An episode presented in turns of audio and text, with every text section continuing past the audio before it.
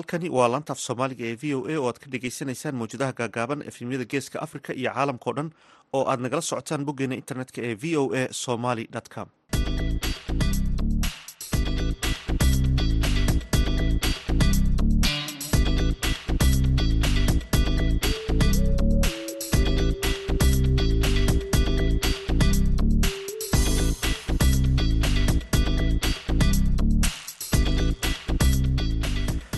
duhur wanaagsan dhegaystayaal waa kowdii iyo barkii duhurnimo xilliga geeska africa iyo lixdii iyo barkii aruurnimo xilliga washington.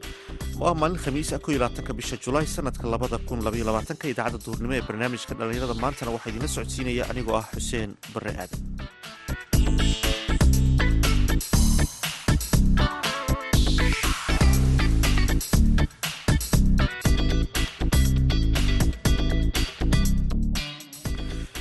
qodobada aan idiin haynana waxaa ka mid ah dhallinyaro wadda dadaal lagu xaqiijinayo inaanu dagaal dambe ka dhicin magaalada boosaaso.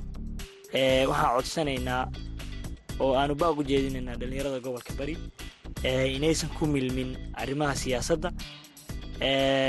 Inaysan qayb ka noqon dhibaatada iyo amni darrada. Ugu dambeyntii waxaa codsi u diraynaa qaybaha kala duwan ee bulshada ay ugu horreeyaan dhallinyarada waxaad sidoo kale maqli doontaan dhallinyarada baahiyaha gaarka qaba ee ku nool dhadhaab oo la gaarsiiyey agab ka saaciidaya waxbarashada. Waxaa sidoo kale barnaamijka ka mid a heesihii ciyaarihii iyo qodobo kale. Marka horese waxaad ku soo dhowaataan warkii dunida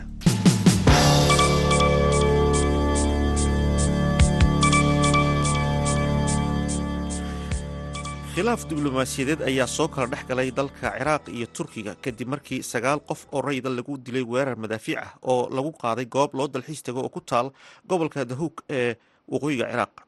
Telefishanka ciraaq ayaa sheegay in duqeymo culus lagu garaacay goob loo dalxiis tago oo ku taala magaalada zakho oo ku taala xadka gobolka kurdistaan ee ciraaq iyo weliba turkiga. Wakaalada wararka ee dalkaasi ayaa sheegtay in dhammaan dadka dhintay ay ahaayeen dalxiisayaal saraakiisha ciraaq ayaa ku eedeeyey ciidamada turkiga inay fuliyeen weerarkan. Ra'iisul wasaaraha ciraaq mustafa alkadimi ayaa bartiisa twitter-ka ku soo qoray in ciidamada turkigu ay si bareer ah ugu xadgudbeen madax banaanida ciraaq. Turkiga ayaa beeniyey eedeymaha uga yimid saraakiisha ciraaq iyo warbaahinta dowladda ee ku saabsan in ay fuliyeen weerarka ka dhacay buurta loo dalxiiska tago ee dahuug wasiirka arrimaha dibadda ee turkiga mawlid jawish oglo ayaa sheegay in turkigu aanu geysan wax weerar ah oo lagu bartilmaameedsanayo dadka rayidka ah ku nool gobolka ciraaq. Dhuumaha gaaska ee nord stream kow ee u dhexeeya ruushka iyo jarmalka ayaa dib loo furay maanta oo khamiisa kadib toban maalmood oo ay xidhnaayeen afhayeen hadlay shirkadda maamusho dhuumahan ayaa sheegay in dhuumaha ay ku shaqaynayaan boqolkiiba afartan awooddii loogu talagalay isagoo sheegay in dhuumaha la xidhay si dayactir loogu sameeyo dalalka yurub ayaa walaac ka qaba in moscow ay marmarsiyo ka dhigan doonto shaqada dayactirka si ay dib uga dhigto dib u bilaabidda dhuumaha laakiin madaxweynaha ruushka valadimir putin ayaa wariyaasha ugu sheegay magaalada tahraan ee dalka iiraan arbacadii shalay in shirkadda tamarta ee gasbrom ee laga leeyahay ruushku ay gudan doonto dhammaan waajibaadkeeda ku xusan qandaraasyada ay saxeexday. Si kastaba ahaatee komishanka yurub ayaa ku booriyey waddamada inay hoos u dhigaan isticmaalka gaaska boqolkiiba shan iyo toban sababtoo ah cabsi laga qabo in ruushka uu yareeyo gaaska uu yurub ka iibiyo marka la gaadho xilliga qaboobaha ee jiilaalka soo socda.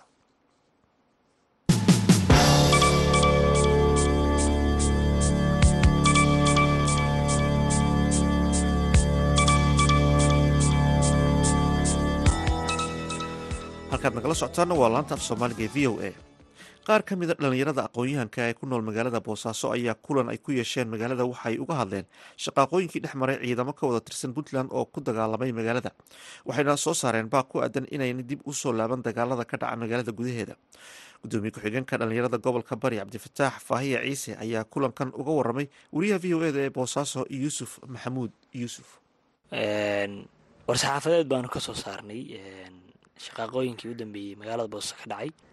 Maadaama aanu matelayno dhallinyarada gobolka bari ee dalladda dhallinyarada gobolka bari ee abyan ujeedada koowaad ee loo asaasay dalladda dhallinyarada gobolka bari ee abyan waa ilaalinta midnimada iyo waxwadaqabsiga dhallinyarada gobolka bari iyo mideynta awoodooda shakhsi ahaaneed si ay u yeeshaan hal awood oo xoogan si firfircoonna ay uga qayb qaataan arrimaha bulshada ee gobolka bari ka taagan marka hore saxaafadeedkaygu wuxuu ahaa baaq baaq nabadeed anagoo mateleyna dhalinyaradii aqoon-yahankii gobolka bari.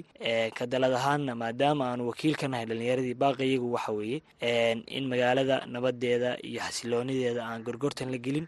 Marka waxaan ugu baaqeynaa qeybaha kala duwan ee bulshada ay ugu horeyso dhalinyarada iyo qeybaha kala duwan ee bulshada in laga wada shaqeeyo amniga guud ee gobolka. Arrimihii u dambeeyey ee dhacayay aysan mar dambe magaalada ugu soo laaban marka uma dulqaadan kadho magaaladu amni darre iyo waxyaalaha la xiriira maadaama waxbarashadii la aadayo shaqooyinkii la aadayo isu socodkii magaalada ay ku xiran tahay inay magaaladu amni sii ahaato ayna ku nool yihiin magaalada dad kala duwan oo soomaaliyeed iyagana in loo turo baan ugu baaqeynaa qeybaha kala duwan ee ku howlan barnaamijyada noocaasa bayaankan soo saadhan iyo baaqan iyo kulankan ay yeelateen guud ahaan dhallinyaradiina baaqiina ayaa u gudbiseen muxuusena ujeedada ugu weyn a u soo saadheen uu ahaa. Baaqiyga waxaa u gudbinay cidda ay khusayso oo ah dowladda iyo qeybaha kala duwan ee bulshada ku dhaqan gobolka bari sidii looga wada qeyb qaadan lahaa amniga iyo xasiloonida magaalada boosaaso iyo guud ahaan gobolka bari ucow waxaanu kala shirnay dhallinyarada oo baaqa aan u soo jeedinay ahaa.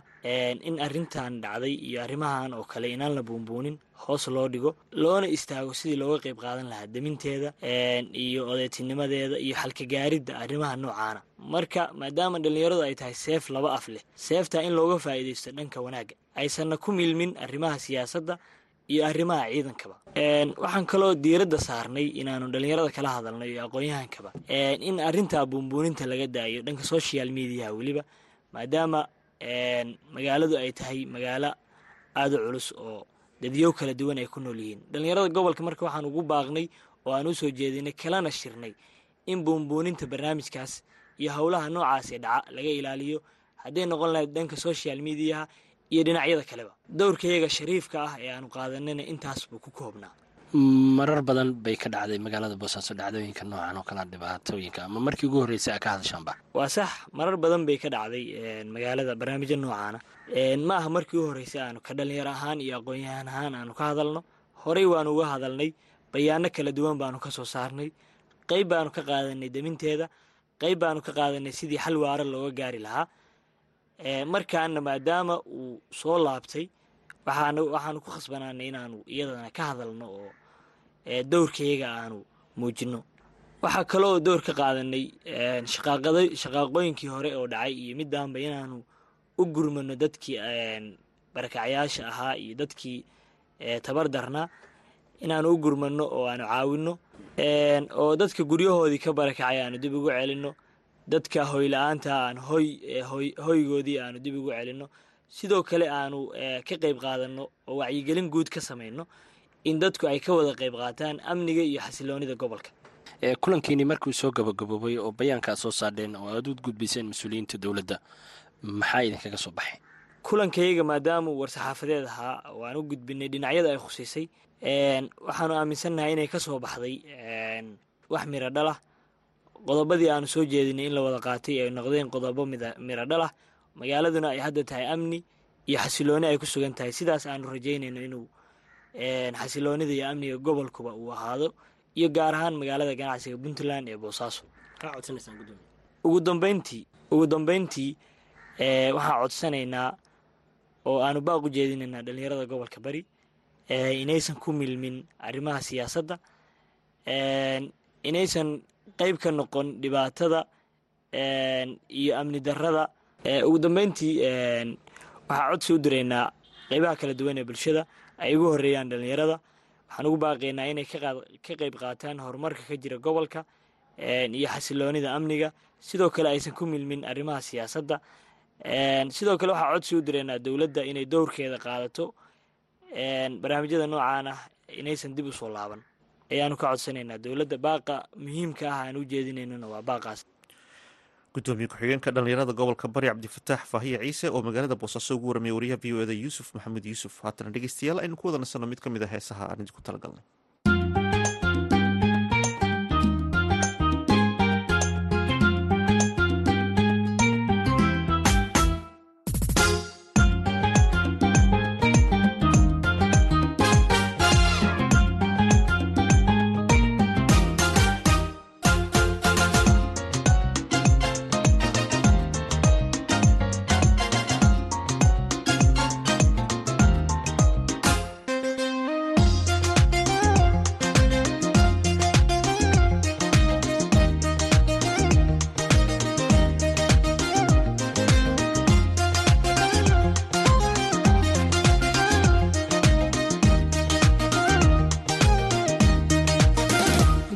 jacaylkan adaahigeliye naftan ku gohobaysa ha ku gacan sayrin garo jacaylkan uno adaahigeliye hedhe naftan ku gohobaysa ha ku gacan sayrin nafsigu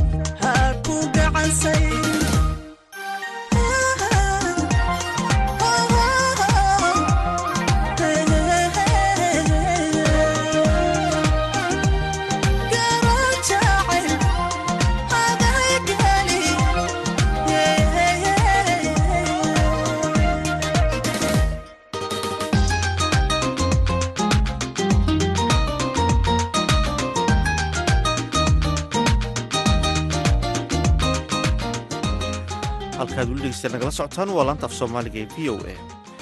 Qaar ka mid a dhallinyarada baahiyaha gaarka qaba ee wax ka barta iskuullada ku yaalla xeryaha qaxootiga ee dhadhaab gaar ahaan xerada ifo ayaa la gaarsiiyey deeq isugu jirta buugaag iyo qalimaan oo ka timid hay'adda haran warbixintan waxaa xeryaha qaxootiga ee dhadhaab ka soo diray wariyaha v o e da axmed nuur maxamed cabdulaahi yogol deeq isugu jirtay buugaag iyo qalimaan ayay hay'adda haraan waxay soo gaarsiisay dhallinyarada baahiyaha gaarka ah qaba ee wax ka barta. Mid ka mid a iskuullada ku yaalla xerooyinkan qaxootiga ee dhadhaab gaar ahaan xerada ifo ardaydan ayaa waxay wax ka bartaan iskuulka hoose dhexe. Hormuud oo ah iskuul loogu talagalay in ardayda baahiyaha gaarka ah qaba ay wax ka bartaan iyadoo deeqdan buugaagta ay baahi fara badan u qabeen dhallinyarada dhanka baahiyaha gaarka ah qaba ee ku nool xerooyinkan qaxootiga ee dhadhaab. Dhallinyaradan oon muddooyinkii u dambeysay aan buugaag ka helin dhanka hay'adaha samafalka maadaama ay hoos u dhaceen gargaarkii dhanka waxbarashada ee hay'adaha samafalka. Arrintan oo ay hay'adaha samafalka ay ku macneeyeen dhaqaalalaan la soo daristay iyagoo sheegay inaysan sidii hore deeqaha uga helin. Wadamadii iyo weliba sidoo kale hay'adihii caalamiga ahaa ee kaalmayn jiray waxbarashada xeryaha. Ibraahim xasan mire waa maamulaha iskuulka hoose dhexe ee hormuud ee xerada qaxootiga ifo oo ah iskuulka ay wax ka bartaan. Dhallinyaradan qaba baahiyaha gaarka ah ayaa wuxuu barnaamijka dhallinyarada ee v o a uga warramay deeqdan bugaagta iyo qalimaanta ay soo gaadhsiisay hay'adda haraan isagoo sheegay in baahi fara badan oo dhanka bugaagta ay qabeen dhallinyaradan islamarkaana ay uga mahad celinayaan. Hay'addii soo gaadhsiisay deeqdan isagoo intaasi hadalkiisa ku daray inay ka codsanayaan hay'adda in dhibaatooyinka dhanka bugaag la'aanta iyo qalimaanta iyo agabyada kale waxbarasho ee haysta dhallinyarada baahiyaha gaarka a qaba ee ku nool xerooyinkan qaxootiga ee dhadhaab inay hay'addu la wadaagto hay'adaha kale si markaasi loo caawiyo. Waxaan ahay maamuliha iskuulka hormuud maanta hay'adda haran ayaa bugaag agab waxbarasho noo keentay kuwaasoo loo qeybiyo ilmaha baahida gaarka lah bugasha waxay kaafisay boqol arday oo u baahnaayaan agabka waxbarasho runtiina aad baan uga mahad celinaynaa haddii noola soo badiyana oo iskuulka dhammaan loo wada siiyana aad baan u mahadnaqi lahayn. Marka maadaama aad tahay maamulaha iskuulkan baahi intee la eg bay ardayda baahiyaha gaarka a qabta ee wax ka barata iskuulkan? Ay u qabeen bugaagtan ay maanta soo gaadhsiisay hay'adda haaraan iyo qalimaantan. Runtii baahi gooni bay qabeen. Baahidaasoo zaa'id ah waad dareemi kartaa ilmaha esaniga ah ama curyaamada ah ama kuwa dhimirkala markii buug la siiyo buuggii way sii tuurayaan ayagoo buugla-aan bay imaanayaan. Runtii aad baan ugu mahadnaqaynaa waanan u baahannahay buugasha in la soo badiyo si ilmahan iskuulka ay u imaadaan. Qaybo badan waxaa jiraan xaafadaha joogaan aanan ka faa'iidaysanin fursadahan iskuulka lagu soo aadayo. Runtii waad dareemi kartaan ilmaha baahida gaarka qabo siday wax ugu baahan yihiin agabkan waxbarasho. Cabdishakuur oo xaryaha qaxootiga ka baxay ee dhoofay baa agabkan waxbarasho ilmaha soo gaarsiiyey. Runtii aad baan uga mahadnaqaynaa waxaana ka codsanaynaa inuu noo soo badiyo si ilmahan waxbarashadooda iyo tayadooda ay isku lahaato iskuulka ay ugu imaadaan insha allah. Cabdishakuur wuxuu ka mid ahaa dadka ka baxay xaryaha qaxootiga ee baahida gaarka qabo. Wuu dareemi karaa baahida gaarka ee dadka qabo waxbarashaday u baahan yihiin. Hadda keliya waxaa loo keenay exercise books bugasha cashirka lagu qoranayay iyo qalimaan. Waxaan ka codsanaynaa ilmaha waxaa jiraan galaaseyta oo fasalka sideeda u fadhiyaan oo indhala-aana indhoola ah u samayn rabaan k c b d. Marka waxaan ka codsanaynaa inay unu noo soo badiyo agabkan. Noo keeno mathematical sets hadday awoodaan hay'adaha uu bandhigo si ay u helaan brailis si ay u helaan bugashan cashirada lagu qaato textbooka iyo dhammaan agab walba loo baahan yahay in ilmaha laga kaafiyaan codsan lahayn. Cabdishakuur runtii waa qofkii ugu horreeyey ee ka baxo xaryaha ee baahiyada gaarka qabo oo soo xasuusto ilmahan ama ilmahan curyaamada ee baahida gaarka qabo oo iskuullada joogaan. Runtii asagana aad baan uga mahadnaqaynaa cabdishakuur shaqada wanaagsan u hayo marka markay timaado arday xero qaxooti jooga maadaama aad ka mid tahay maamulayaasha xeradan qaxootiga ifo markay imaato inuu ardaygii buug looga baahan yahay qalin looga baahan yahay waalidkiina uusan awoodin inuu u gado maxay tahay saamaynta ay ku yeelata arrintan? Runtii waad dareemi kartaa arday baahida gaarka qabo. Haddana qaxooti sii ah. Qaxootina waad dareemi kartaa xaaladda lagu sugan yahay. Laga yaabaaba cuntadii in saddexda waqti isku si loo helin. Laga yaabaa waalidkii in uu waayo agab uu lacag ama hanti ugu gado bugag ugu gado ardayga. Waxaa dhici karta marka ardayga inuu iskuulka imaan waayo sababtoo ah in bug uu waayo wax ku dhigto sidaa darteed laajligeedu iskuulka u soo aadi waayo. Ugu dambayntii waxaan cabdishakuur ka codsanaynaa inuu dadaalkan sii wado. Ilaahay kheyr ha siiyo. Runtii aad baan ugu faraxnay maanta. Waalidiintana aad bay ugu mahadnaqayeen cabdishakuur waxaan leeyahay dadaalkan sii wad. Hay'adaha dad u bandhigi kartid ee gargaar kale nala soo gaarsiin karo. Runtii aad iyo aad baan ugu mahadnaqi lahayn deeqdan soo gaadhay dhallinyarada baahiyaha gaarka a qaba ee wax ka barta xerooyinkan qaxootiga ee dhadhaab ayaa waxay ku soo aaday xilli baahi fara badan oo dhanka agabka waxbarashada. Ay qabeen dhallinyarada baahiyaha gaarka a qaba ee wax ka barta iskuullada ku yaalla xerooyinkan qaxootiga ee dhadhaab. Dhallinyarada ayaa sanadihii hore waxay agabka waxbarashada ay si toosa uga heli jireen hay'adaha samafalka balse sanadihii ugu dambeysay ayay taasi meesha ka baxday kadib markii ay hay'adaha samafalka ay sheegeen inaysan deeqda dhanka waxbarashada sidii hore uga helin. Hay'adaha iyo weliba sidoo kale waddamada kaalmayn jiray waxbarashada xerooyinka qaxootiga ee dhadhaab. Dhallinyarada wax ka barata xerooyinkan qaxootiga ee dhadhaab gaar ahaan kuwa baahiyaha gaarka a qaba ayaa sidoo kale waxay cabasho ba'an ka muujiyeen inaysan haysanin agabka ay wax ku bartaan. Dhallinyarada baahiyaha gaarka a qaba sida iyagoo sheegay qalabka brailka loo yaqaano. Dhallinyaradan ayaa waxa intaasi ay ku dareen islamarkaana ay ka codsadeen in cid walba oo gacan ka geysan karta agabyadaasi ay u baahan yihiin inay ka codsanahayaan iyadoo muddooyinka ugu dambeysay sidoo kale qaar ka mid a dhallinyarada baahiyaha gaarka a qaba ay ku dhiirigelinayeen waalidiinta carruurtooda ay qabaan baahiyaha gaarka inay keenaan iskuullada si markaasi ay waxooga bartaan iskuullada. Axmed nuur maxamed cabdulaahi iyo gool v o a xeryaha qaxootiga ee dhadhaab. Haatanna dhegeystayaal waxaad ku soo dhawaataan xubintii ciyaaraha waxaynala socodsiinayaan maxamuud mascade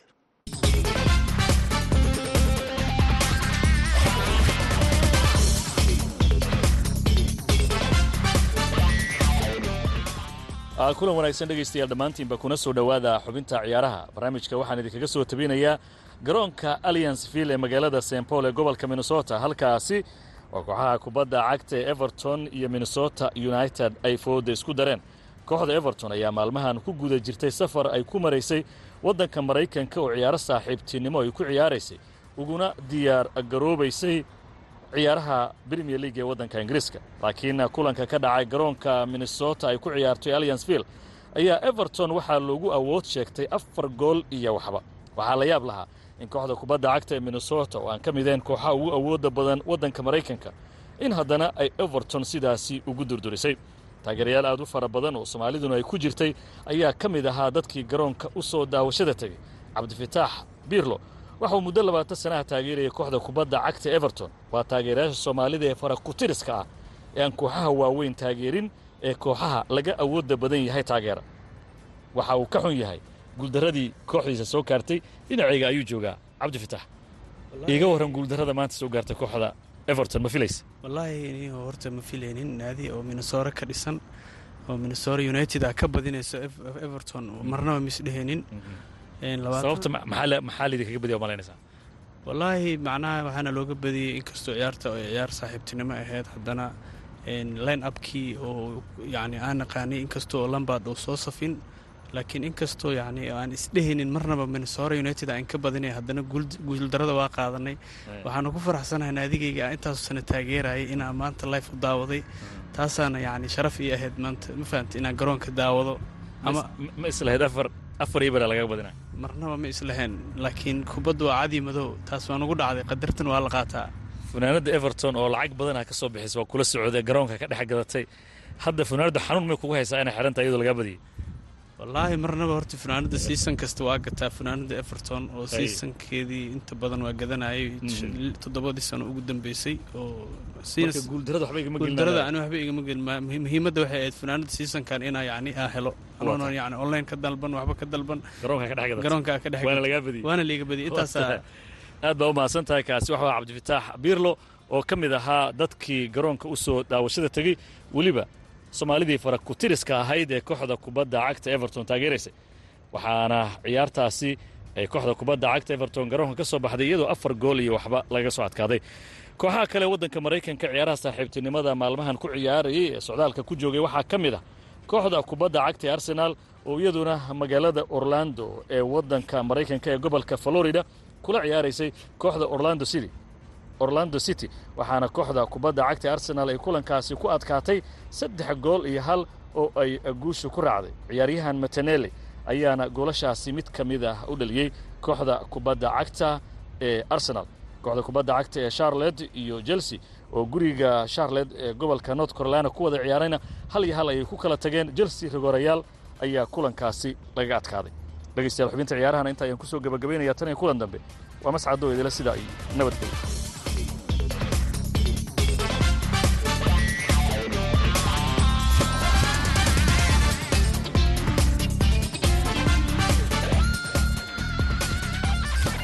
aad ayuu mahadsan yahay maxamuud mascade oo xubintaasi ciyaaraha nala socodsiinaya halkaad kala socoteenna waa laanta af soomaaliga v o a. Haatanna aynu ku wada nasanno mid ka mid ah heesaha aan idinku talagalnay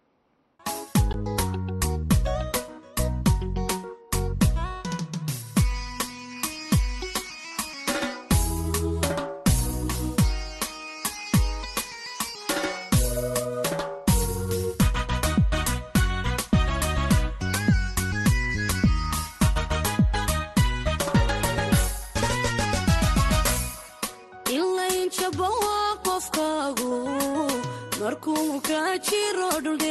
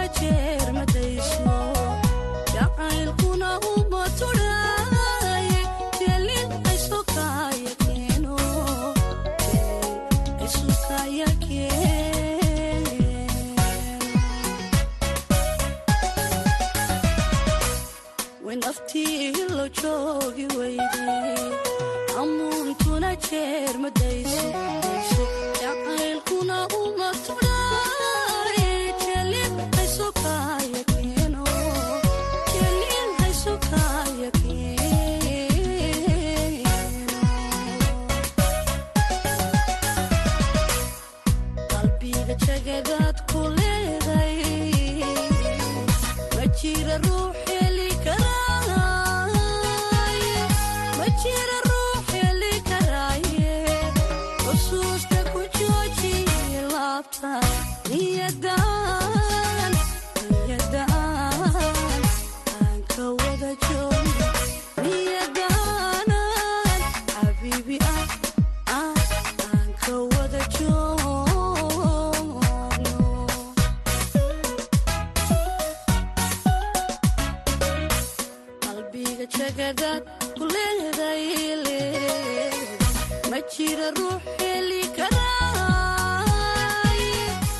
heestaasi aynu ugu luqanaysa fanaanada daahada cabdiraxmaan ayaan ku soo gabagabaynaynaa baahintiin idaacadeed oo idinka imanaysa laanta af soomaaliga e v o e tan iyo kulanti dambe waa dhammaan bahda laanta af soomaaliga e v o e oo idinla sidaas iyo nabadgelyo.